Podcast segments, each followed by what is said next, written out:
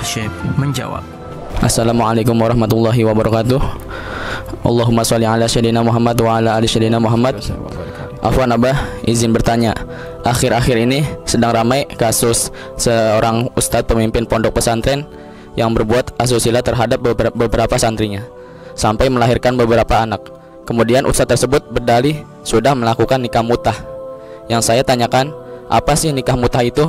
Sedangkan orang san- orang tua santri tidak mengetahui kalau anaknya sudah menikah mutah. Bagaimana tanggapan Abah? Syukran Abah atas jawabannya. Wassalamualaikum warahmatullahi wabarakatuh. Waalaikumsalam warahmatullahi wabarakatuh. Tokoh masyarakat yang berperilaku aneh, yakni keluar dari syariat Islam, menggauli istrinya, menggauli, mohon maaf, menggauli santrinya sampai 12 santri. Ini adalah ustadz bejat, ustadz yang tidak tidak perlu di, dibesarkan. Karena dia termasuk adalah orang-orang yang menjelek-jelekkan atas nama ustadz. Dia bukan ustadz kayak gitu. Dia tidak layak dipanggil ustadz. Tidak layak. Apalagi berdalil nikah mut'ah. Nikah mut'ah bukan bukan syariat kita. Itu syariatnya orang-orang yang akidahnya sesat nikah mut'ah itu nikah-nikah kontrak kalau mau ya mau kalau pengen ya pengen ini kan sama aja kayak orang-orang melacur itu dan ini ada di wilayahnya akidah A yang menyesatkan itu. A itu menyesatkan A itu. Di antara termasuk dia melegalkan mengesahkan pernikahan mut'ah ini.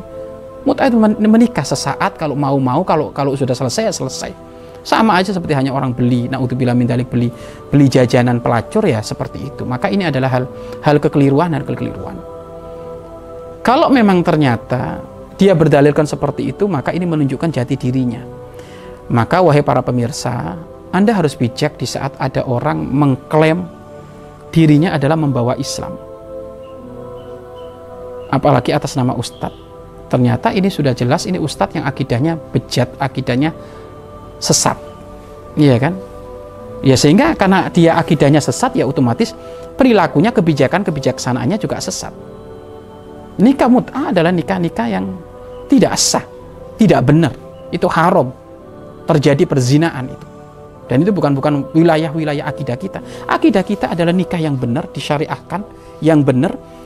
Sehingga kalau memang orang mampu, memang bagi laki-laki boleh menikah satu, dua sampai tiga sampai empat.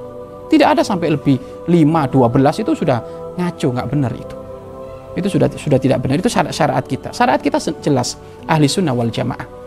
Ya, kita Islam, ahli sunnah wal jamaah, bermadhab, ngikut madhabnya Imam Abu Hanifah, Imam Malik, Imam Syafi'i, Imam Ahmad bin Hambal, kemudian ikut akidahnya Abu Hasan al Ashari atau Abu Mansur al Maturidi kemudian yang yang kelima adalah pengikut Toriko Asufiyah ini Asufiyah Asufiyah maka ciri khas dari dari lima ini ini nggak boleh hilang. Kalau sudah lima ini hilang ya nanti masuk wilayah ini kalau sudah bukan ahli sunnah wal jamaah itu sudah masuk Islam tapi bukan ahli sunnah wal jamaah ya si A ini si A ya tadi itu akhirnya menghalalkan nikah kontrak nikah sesaat dengan unsur mau sama mau, ikhlas dengan ikhlas. Kacau ini. Kalau di dalam umat Islam kita, ahli sunnah wal jamaah, menikah harus ada saksi, harus ada wali, harus ada ijab kabul. Loh kalau mut'ah ini mah nggak ada itu sudah.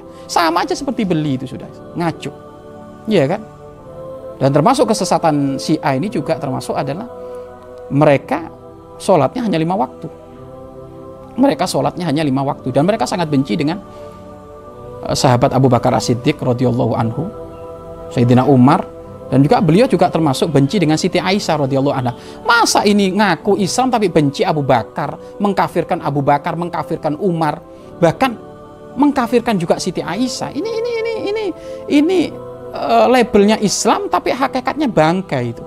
Hakikatnya bangkai. Nah ini maka kelakuannya juga ya kelakuan ya seperti ini kelakuan bejat sekali itu Ustaz. Maka karena ini negara-negara yang bersandarkan hukum maka tentu ya agar diproses oleh negara wilayah hukumnya agar agar supaya diproses kalau wilayah wilayah Islam sangat tegas sekali bagaimana hukum-hukum melakukan perzinaan menodai seseorang sudah jelas itu itu kalau sudah punya punya apa punya istri melakukan itu ya harus dirajam itu dilempari batu sampai mati itu kalau di wilayah wilayah syariat Islam. Tapi ini negara-negara yang tidak berbasis Islam. Maka tentu kembalikan kepada mahkamah eh, mahkamah keadilan negara ini ya, ya tentu biar diuruskan gitu kan. Tetapi maksud kami dalam hal ini karena hal ini ini akan menjadi apa ya? menjadi kons konsumsi umum yang kalau orang itu nggak bijak akhirnya nerka ini Islam kayak gini bahkan naudzubillah min bisa jadi nanti sampai nerembet kepada wilayah kehormatan baginda agung Nabi Muhammad. Baginda agung istrinya yang sampai sembilan. Ini nanti diterka macam-macam. Nggak karu-karuan itu. Badal wilayah baginda agung Nabi Muhammad wilayah kebenaran syariat Islam.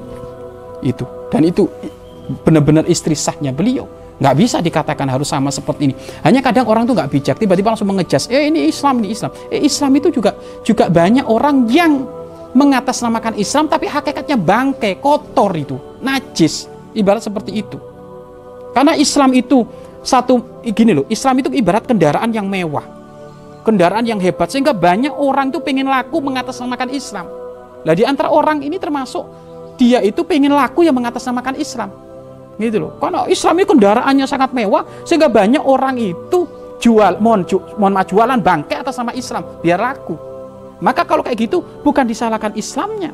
Tapi ya ini yang jualan bangke ini yang nggak bener ini. Maka semuanya di sini harus harus harus melek ternyata ini adalah Islam sem, sempalan. Islam yang yang yang tidak terdeteksi, terdeteksi bahwasanya ini masuk kepada wilayah Islam yang benar enggak. Yang benar Islam tadi itu Islam ahli sunnah wal jamaah bermadhab ngikut akidahnya Abu Mansur al, uh, Abu Mansur al Ashari atau Abu Mansur al Maturidi ya Abu Hasan al Asari atau Abu Mansur al Maturidi kemudian Asufiyah ini ini ciri ciri Islam yang benar itu ini lima ini. Selebihnya enggak di antara masuk ini yang ditanya. Kemudian karena ini adalah berbasis hukum biarkan diselesaikan oleh hukum negara. Diselesaikan oleh hukum negara. Kemudian bagi kita yang saat ini menyaksikan mendengar itu ya tentu kita kita minta kepada Allah agar supaya kita nggak masuk wilayah itu tidak kita tidak minta, eh, minta kepada Allah agar supaya dijaga keturunan kita dijaga dari kelakuan-kelakuan yang nggak benar seperti itu. Itu yang pertama. Kita minta introspeksi diri kita. Kemudian tidak perlu kita banyak membuli dia.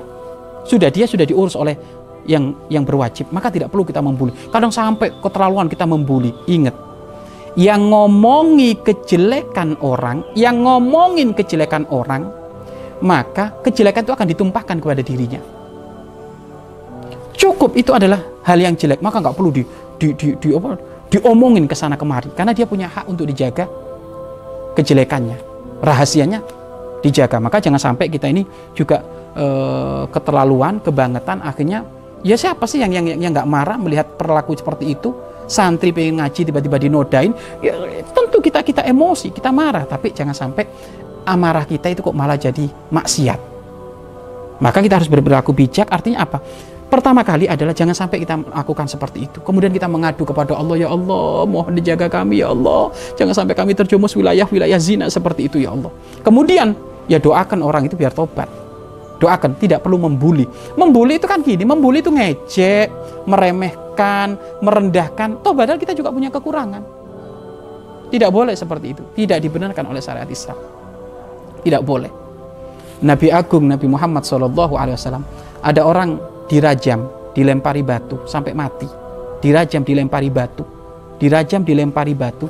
Karena dia dia ngaku melakukan perzinaan, akhirnya ngaku tapi Rasulullah ini ngakunya berkali-kali. Rasulullah menghindar tetap dia mengaku baru hindar berkali-kali tetap akhirnya dia ngaku. Akhirnya ditegakkan syariat Islam dilempari batu sampai mati. Lah Rasulullah di saat melihat ini orang dilempari batu sampai mati beliau Rasulullah menangis maka ada seorang yang mencibir di situ. Ya Rasulullah kenapa kau nangis? Ini kan orang hina. Dia pelaku zina ya Rasulullah penangis. Maka Rasulullah marah memerah wajahnya demi Allah. Tobatnya orang ini jika dibandingkan orang semadina jauh lebih bagus tobatnya orang ini. Maksudnya apa? Rasulullah tidak membuli.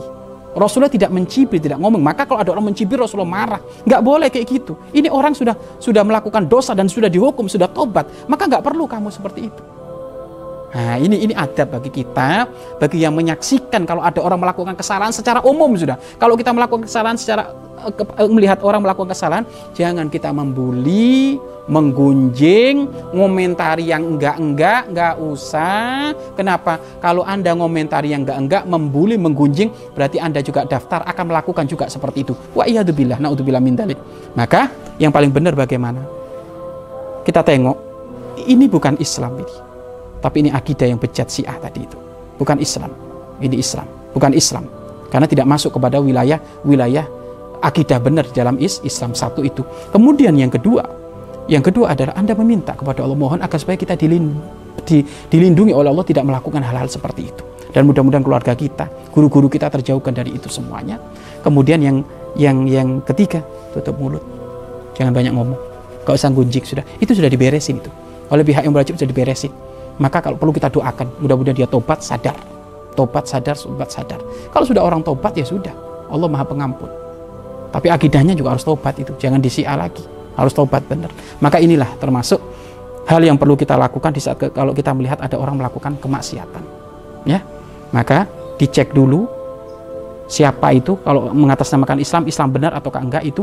Kemudian yang kedua kita minta kepada Allah biar kita dijaga agar supaya tidak terjumus kepada wilayah itu. Kemudian ketika jangan mulut, jaga mulut. Jangan kita menggunjing, jangan kita membuli. Kenapa? Khawatir Allah menguji kita dengan kemaksiatan itu. Nauzubillah min dalik. Tutup mulut, tutup mulut. Mudah-mudahan kita dijaga oleh Allah dari dari orang-orang yang tidak amanah seperti itu dan mudah-mudahan kita pun dijaga oleh Allah untuk amanah, amanah dalam urusan kemaluan, amanah dalam urusan mulut, amanah dalam urusan menjaga anggota tubuh kita ini sehingga kita semuanya menjadi hamba-hamba yang soleh soleha. Wallahu a'lam bishawab.